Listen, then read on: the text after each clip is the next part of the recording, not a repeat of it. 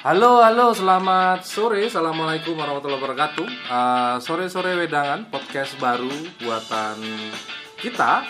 Ya, Sore-sore sambil wedangan, nggak enak kalau nggak sambil ngobrol. Nah, sore ini saya kedatangan tiga orang peneliti dari S Tunggara Riset yang ketiganya ini pinter-pinter semua.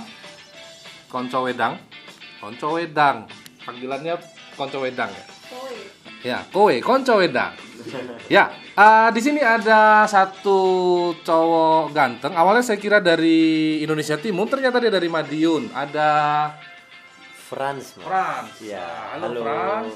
Terus kemudian ada Bu dosen yang mungil tapi isi kepalanya tidak semungil badannya. Ada Halo, saya Sekar Chandra. ada Sekar. Kemudian ada orang Medan yang Jawani. Di sini ada Mas Halo, saya Koko. Oke, Mas Koko, Bu dosen Sekar sama Mas Frans. Sore ini kita bakal ngobrolin soal COVID-19. Ya, kita tahu sudah satu bulanan ini COVID-19, Corona itu jadi topik yang selalu dibicarakan. Ya tentang penyakitnya, ya tentang segala macam yang meliputinya. Kebijakannya mungkin, karena semuanya yang hadir di sini adalah teman-teman dari bidang hukum. So, eh, gimana nih menurut pendapat teman-teman soal kebijakan yang sering atau sering dibilang sama orang eh, kebijakan terlambat atau kebijakan yang nggak populer. Bu Sekar, Bu dosen, boleh nggak kasih pendapatnya gimana sih tentang situasi terkini kita terkait dengan COVID-19? Iya. Tapi rasanya nggak adil nih ya semua kowe-kowe konca wedangan kalau kita nggak dengar siapa sih tadi yang sebenarnya udah membuka acara podcast pada saat kali ini. Coba silahkan perkenalkan dulu dong mas sebelum saya ngasih pendapat. Oke, lupa saking semangatnya karena sudah lama banget sudah mungkin 10 tahunan saya nggak siaran. Jadi berasa siaran lagi ya. Saya Zaki. Saya ya tim horenya aja untuk mengantarkan diskusi sore ini ya. Jadi eh, biar lebih lanjut Bu dosen dulu yang ngasih paparan nanti eh, gimana sih pendapatnya Bu dosen tentang COVID-19 dan segala macam yang meliputinya. Ya. Baik, terima kasih Mas Zaki. Ya, tadi kalau sama-sama kita udah dengerin ya, sebenarnya Mas Zaki bukan tim hore-hore, tetapi sebenarnya adalah the man ya, the man, the main man ya untuk acara podcast kali ini. Jangan salah, walaupun tadi saya dibilang uh, mungil ya, Mas Zaki ini sama seperti badannya ya dan semuanya pokoknya mantul deh sama isi kepalanya. Jadi jangan salah calon profesor gitu ya. Tadi sebenarnya saya tuh agak grogi gitu loh ditanyain sama Mas Zaki mesti cerita apa? Harusnya tadi Mas Zaki yang cerita dulu berpendapat ya. Kalau menurut saya masalah covid nih mau dilihat dari mana Mas? Cuma mungkin saya yang agak risih ini masalah gejala-gejala sosial yang eh, kemudian warga masyarakat itu membuat apa tuh yang disebut dengan lockdown lockdown wilayah Iya. Ya, seperti Jalanan itu. ditutup. Iya, jalanan ditutup. Nah, kalau pendapat saya sih kayak, kayak seperti kurang sepakat gitu sama kondisi-kondisi yang ada saat ini gitu, Mas. Dengan adanya jalan-jalan ditutup itu. Memang benar sih uh, hal itu bisa salah satu cara untuk uh, apa namanya menekan laju perkembangan Covid, tapi kadangkala kurangnya sosialisasi dan kurangnya memikirkan dampak. Misalnya seperti akses jalan dan lain sebagainya itu kurang dipikirkan gitu. Itu sih kalau menurut saya. Ah, Oke, jadi eh, saya saya mungkin agak mirip dengan Sekar pendapatnya bahwa efektivitas penutupan jalan sama warga itu nggak kelihatan menurut saya. Karena justru yang terjadi misalnya di kampung saya ditutup jalannya eh, sampai jam 9 begitu terus kemudian eh, jam-jam tertentu itu rame malah orang kumpul-kumpul saya dengar-dengar kemarin Frans juga punya pengalaman di kampungnya, di kosnya, juga ada penutupan dan Frans sempat sempat nutup, eh sempat kok nutup, sempat protes ke Pak RT-nya Eh, karena aksesibilitasnya terbatas. So, eh, gimana ceritanya Frans? Oh iya, siap Mas. Lebih enak kalau dipanggil calon-calon profesor sepertinya ya. Untuk dari Mas Zaki. Baik, ini kalau dari pengalaman saya memang karena tiba-tiba saja ada surat edaran dari RW RT setempat bahwa ada penutupan begitu, Mas. Tanpa adanya informasi yang akurat untuk terlebih anak-anak perantau begitu. Dan hemat saya waktu itu tiba-tiba langsung ditutup begitu untuk jalan segala-segalanya ditutup. Sehingga saya juga bingung sebenarnya sebagai anak perantau uh, mencari makan saya keluar untuk mencari minum dan lain-lain juga susah emang ya. Kalau tanggapan saya sendiri berbeda mungkin dari bu dosen. Saya lebih setuju kalau masalah lockdown itu dijadikan one gate system bu dosen. Karena kalau di one gate system uh, orang-orangnya bisa apa namanya me memfilter orang-orang yang masuk keluarnya. Namun saya setuju juga dengan pendapatnya Mas Zaki yang mana ini orang-orang itu yang berkumpul di one gate system itu diberikan waktu shift dan hanya maksimal 3 sampai 4 orang saja.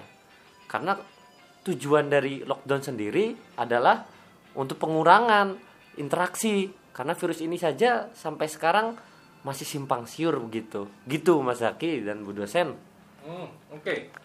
Jadi uh, di kosnya France juga ada penutupan ya. Iya. Ya sebenarnya ini uh, gejala sosial, gejala umum yang kemudian saya bisa memaklumi kalau ternyata presiden kita, pemerintah kita itu uh, belum menyatakan lockdown atau karantina wilayah karena ya belum dinyatakan sebagai lockdown karantina wilayah saja kepanikannya sudah kayak begitu. Tiap kampung itu nutup jalan, nutup akses tanpa mereka sadari sebenarnya kalau kita bicara uh, legal formal maka mereka nggak punya hak, mereka nggak punya kuasa loh teman-teman nutup uh, konco-konco wedang, mereka nutup akses jalan depan kampung itu tidak punya legitimasi hukum sama sekali. Ya. Karena yang punya legitimasi hukum itu jelas pemerintah. Gitu. Ya. Jadi pengkondisian atau uh, penutupan jalan tersebut ilegal. Ya, kita karena males berdebat atau karena menjaga toleransi kampung aja terus kemudian ya wes lah mau gimana lagi. Tapi saya sudah pernah menyampaikan bahwa yang disampaikan oleh Presiden Jokowi kita bicara agak lebih serius sekarang kita bicara agak lebih dalam yang disampaikan Presiden Jokowi bahwa kita nggak akan lockdown itu betul itu benar karena kalau lockdown kita lakukan eh, atau bahasa hukum kita adalah karantina wilayah kita lakukan maka kemudian negara harus menjamin negara itu ya pemerintah pusat maupun pemerintah daerah harus menjamin kebutuhan dasar setiap orang yang dikarantina. Kebutuhan dasar itu ya sembako, kesehatan dan lain-lain. Negara mampu nggak kira-kira Mas Koko? Coba pendapat pendapat Mas Koko kepada konco wedang gimana kira-kira? Kalau saya pikir negara nggak akan mampu. Jakarta aja ditutup saya pernah bikin simulasi 58 M dia butuh per hari. Gimana menurut Mas Koko? Ke saya pertanyaannya berat ya dan di, dan diajukan calon dokter loh gitu dia mau menjawab takutnya calon nanti profesor. calon profesor bahkan gitu jadi kalau kita berbicara awalnya tadi kita berbicara tentang lockdown per kampung per lingkungan memang kalau kita melihat di Undang-Undang Nomor 6 tahun 2018 tentang karantinaan kesehatan memang tidak ada legitimasi yang mengatakan bahwasanya wilayah bisa uh, maaf kampung itu bisa menutup daerahnya gitu karena memang kewenangan untuk menutup akses wilayah kekarantinaan itu ada di pemerintah pusat. Dan ini kalau kita berbicara tadi kesiapan atau tidak siapnya negara. Yang ingin saya kritik saat ini adalah isu yang dibangun adalah seolah-olah karantina wilayah ini akan dilakukan di seluruh Indonesia. Kan itu isu yang dibangun. Tapi kalau sekarang kita berbicara karantina wilayah atau tidak sudah terlambat. Yang pertama memang alasannya ekonomi, yang kedua juga kesiapan negara tadi begitu. Nah, kapan sebetulnya saat yang tepat untuk membicarakan karantina wilayah? Dulu. Waktu ada kasus pertama, kasus kedua, kita bisa gunain lockdown tadi. Yang mana ditutup? Jabodetabek. Karena kan kabarnya dia terjangkit di Jakarta tapi warga Depok. Nah, itu masih dalam wilayah Jabodetabek itu tutup. Sehingga penyebaran mungkin bisa ditahan di situ. Tetapi kan isu-isu yang dibangun saat ini adalah lockdown itu seolah-olah harus seluruh Indonesia. Kalau sekarang kita berbicara lockdown meminta karantina wilayah udah terlambat. Lebih baik kita memang mencari solusi terbaik. Bagaimana untuk masyarakat-masyarakat yang menengah ke bawah kita beri bantuan. Jadi tidak ada lagi perdebatan yang seakan-akan ini menyalahkan pemerintah pusat secara murni. Tidak bisa juga. Begitu juga sebetulnya pusat e, harusnya bisa berkoordinasi dengan daerah. Itu saja sih mungkin menurut saya Mas Zaki dan Kowe ya tadi Kon Konco Wedan. Iya. Mungkin ada pembanding atau tambahan pemikiran dari teman-teman saya juga. Ya, uh, saya agak masuk ke ranah politik. Berarti kita mungkin agak sependapat ya, aku ya, bahwa uh, saya dulu pemilih Jokowi. Mohon maaf nih, saya pemilih Jokowi dulu, ya. Tapi kita bisa bisa saya sama Koko bisa ngambil kesimpulan bahwa sebenarnya sudah agak terlambat si langkah yang diambil sekarang e, karantina wilayah atau e, dia turunkan kalau levelnya tidak karantina wilayah levelnya kan PSBB yang mana hari ini DKI Jakarta diizinkan untuk melakukan PSBB oh sudah sudah turun sudah diizinkan DKI Jakarta hari ini per tanggal 7 e, April ini tapi ya telat sih sebenarnya itu saya tidak mem, me, mendelegitimasi presiden kita, tapi kebijakan yang kemudian beliau ambil terlambat. Entah kemudian karena memang beliau lambat dalam mengambil keputusan dalam kasus ini ya. Biasanya beliau sih cepat kalau kerja gitu. Tapi dalam kasus ini entah mungkin terlambat, entah mungkin juga anak buahnya yang kemudian kebanyakan mikir, nggak eksekusi gitu. Nah, uh, coba uh, pendapatnya Jokowi garis keras piye? Sayangnya nggak kelihatan nih garisnya. Sekeras apa gitu garisnya ya? Merah iya yang penting apa namanya semangatnya harus keras ini. Nah kalau saya melihatnya bahwa uh, ketika kita melihat presiden membuat kebijakan itu tuh kan khususnya di negara Indonesia itu memiliki dua aspek yang harus kita perhatikan. Apakah presiden ini sebagai kepala negara atau kepala pemerintahan begitu. Ketika sebagai kepala negara tentunya bisa bergerak cepat dengan memberikan kebijakan-kebijakan. Namun ketika presiden itu menjadi seorang kepala negara eh kepala pemerintahan, nah itu harus dilihat lagi.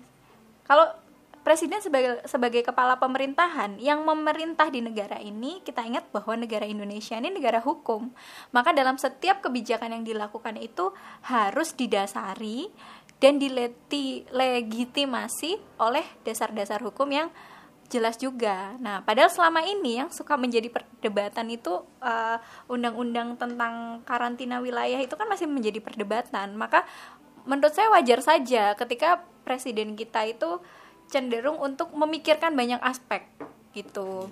Karena kalau saya sih sebenarnya satu tipikal dengan beliau lebih baik memikirkan banyak aspek dan ditimbang-timbang dengan matang sebelum mengambil keputusan. Kebanding mengambil keputusan dulu baru uh, segala sesuatu dipikirkan belakang begitu. Itu sih kalau pendapat uh, awalan saya ya uh, Mas Zaki. Kamu gimana Frans? Oh, kamu iya. Frans Baik mas, kalau saya sih pada dasarnya kurang-kurang setuju sepertinya ya, karena darah saya gak terlalu merah sepertinya begitu.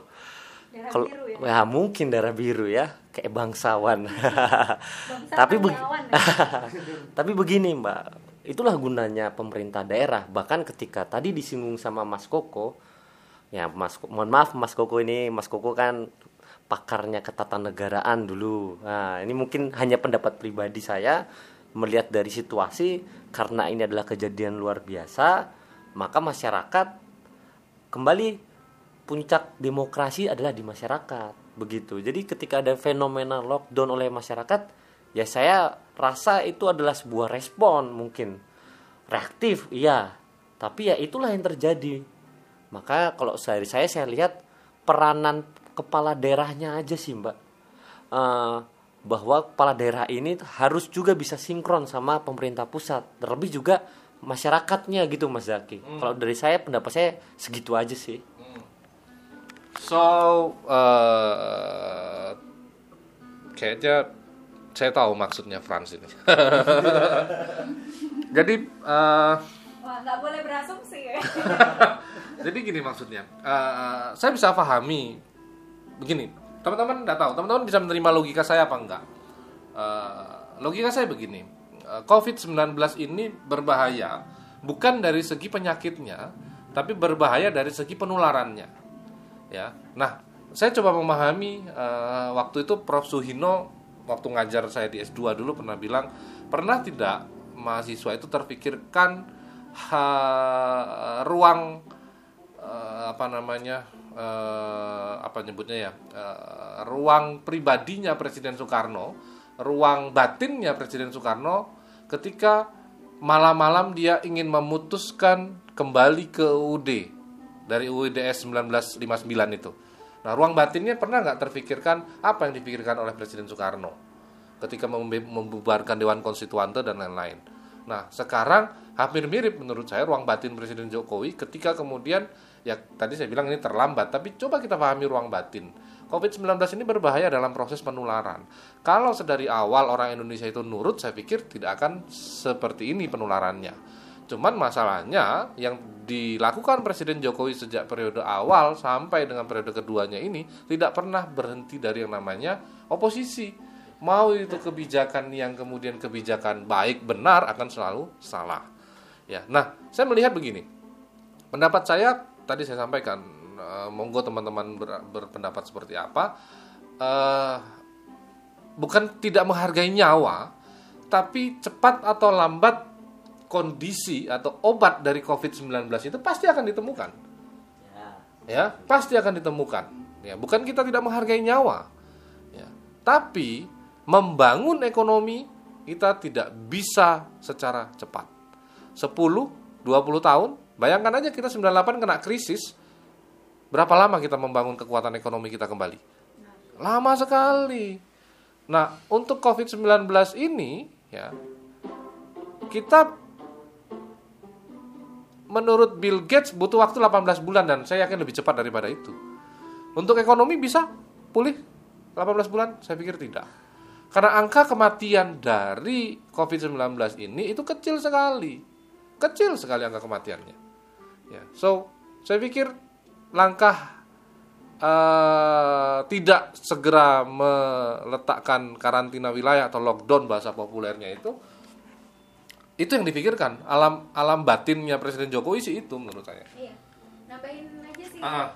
Gini Mas Zaki kalau misalnya uh, tadi ya saya ngambil satu statement ya Allah statement pernyataannya Mas Zaki yang ngomong kalau andai kata rakyat Indonesia ini nurut. Nah sayangnya Mas um, uh, rakyat Indonesia ini nurut itu sebetulnya bukan karena artinya adanya kan kadang orang mikir ya ayo cepat aturan dilaksanakan ayo cepat dibuat dibuat jangan gerak lambat gerak cepat dan gerak lambat. Apa? Gerak cepat gitu ya. Supaya orang kalau aturannya jelas maka polisi gampang mengaturnya dan lain sebagainya. Namun kalau kemarin saya tuh nonton salah satu acara TV swasta di televisi gitu ya. Di situ ada seorang sosiolog yang namanya Imam Prasojo itu mengatakan bahwa e, sebenarnya rakyat Indonesia itu nggak bisa kalau misalnya ditakut-takuti dengan kayak kamu kalau melakukan gini nanti sanksinya gini kamu melakukan gini nanti uh, uh, sanksinya gini atau ada hukumannya begini. Justru itu nggak bikin orang menjadi takut.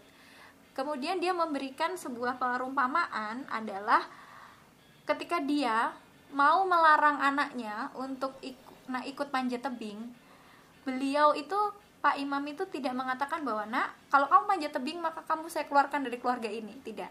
Tetapi Pak Imam itu mengatakan akibat-akibatnya. Nah kalau panjat tebing itu kalau kamu jatuh nanti kamu akan patah tulang dan lain sebagainya. Bahkan sampai meninggal dan lain sebagainya. Diberikan efek-efek terburuk sehingga kemudian anak dari beliau itu mengurungkan niatnya untuk ikut manjat tebing begitu nah mungkin yang kurang dilakukan oleh pemerintah ataupun kaum intelektual yang ada di Indonesia itu adalah kemudian mengedukasi kalau Mas Zaki tadi udah bisa mengambil kesimpulan kan bahwa COVID ini tidak berbahaya, namun yang berbahaya adalah penyebarannya. Nah, orang Indonesia tuh harus disadarkan dulu bahwa COVID ini berbahaya dan berbahaya di mananya. Even pakai masker aja masa sih sekarang ini harus langsung harus dikasih perintah gitu ya? Harus pakai masker nih. Sekarang ya, harus pakai masker. Sekian, pakai masker. Nah padahal kalau kita sadar ya udah tahu dia tuh bentuknya virus. Bahkan dibilang droplet. Nah orang-orang aja tuh kadang nggak ngerti droplet tuh apa gitu. Nah itu yang perlu di uh, apa diedukasi. Namun yang menjadi misunderstanding gitu atau bahasanya France biasanya itu adalah mislingnya itu ketika hal-hal yang sifatnya begitu kemudian dijadikan alat propaganda oleh orang-orang tertentu untuk menjatuhkan pemerintah itu yang saya uh, istilahnya saya apa ya semacam kayak jangan sampai lah hal itu tuh terjadi kayak gitu sih mas Zaki. Oke. Eh, Sekar udah semuanya udah. Sekarang saya mau tanya nih. Terakhir saya mau tanya sebagai penutup. Andai kata Koko, Sekar dan Franz ini presiden, kalian akan mengambil langkah apa? Lock, eh, jangan pakai kata lockdown deh. Indonesia ini seneng banget pakai kata-kata bahasa Inggris. Eh, strata title bahasa Inggris. Padahal kita punya SHM, SRS. Sekarang karantina wilayah pakai lockdown. Seneng banget orang Indonesia ini. Iya. Koko, kalau kamu menjadi presiden, kamu ambil apa? Karantina wilayah, PSBB, atau tak kasih satu lagi, darurat sipil? Jawab langsung, nggak usah pakai alasan. Melihat situasi yang sekarang PSBB. PSBB, mana aja yang di PSBB? Di daerah-daerah memang angka penularannya DKI? sudah seperti DKI pasti harus. Jawa Barat? Kota-kota besar DKI, Jawa Barat, provinsi besar seperti DKI, Jawa Barat, Sumatera Utara, Oke. Jogja dan Bali mungkin. Oh, banyak banget. Ya sekitar. Memang karena itu maksudnya begini, kita berbicara penyebaran ini kan juga bisa di Ya. kota-kota besar. Ya wis, saya nggak mau pilih Koko jadi presiden. Kebanyakan. Sekar. Saya ya udah saya bilang kalau saya sih sepakat aja sama keputusannya Pak Jokowi. PSBB. ya. PSBB di mana aja? PSBB khususnya di kota-kota yang padat penduduk, Mas. Jakarta, Makassar, Medan, Jogja nih terutama nih harusnya sebenarnya. Oh. Wah, sama banyak berarti. Franz, Karantina wilayah, Mas. karantina wilayah skala lokal, skala nasional? Kalau saya sekarang skala Pulau Jawa. Pulau Jawa. Saya yang paling berbeda. Saya lebih memilih darurat sipil. So, eh konco wedangan, Kowe-kowe. itu tadi obrolan absurd yang nggak jelas eh, time apa namanya benang merahnya, red line-nya, tapi berisi loh, ya. Tinggal nanti kita arahkan saja untuk next meeting, wah, next podcast. Sambil ya ngewedang sa- dong. sambil ngewedang. Silakan diminum wedangnya. Iya ya wedang imajiner. Ini Ada edisi edi- beneran bisa ada kan Mas wedangnya? oh bisa dong. Tapi darurat sipil itu menarik dibahas. oke next time kita akan tetap bahas covid atau kita bahas isu yang lain atau kita bahas darurat sipil. Dengan so lainnya. ya so eh, tolong bantu kita kasih masukan di eh, podcast kita ini untuk selanjutnya edisi selanjutnya. Kita harus gimana nih? Kita ngasih diskusi bareng seperti apa ya. Thank you yang udah nyempetin waktu untuk dengerin. Thank you juga buat Cekar, Koko dan Franz mudah-mudahan next time kita bisa bicara dengan konsep yang lebih menarik dan pembahasan yang lebih ciamik lagi.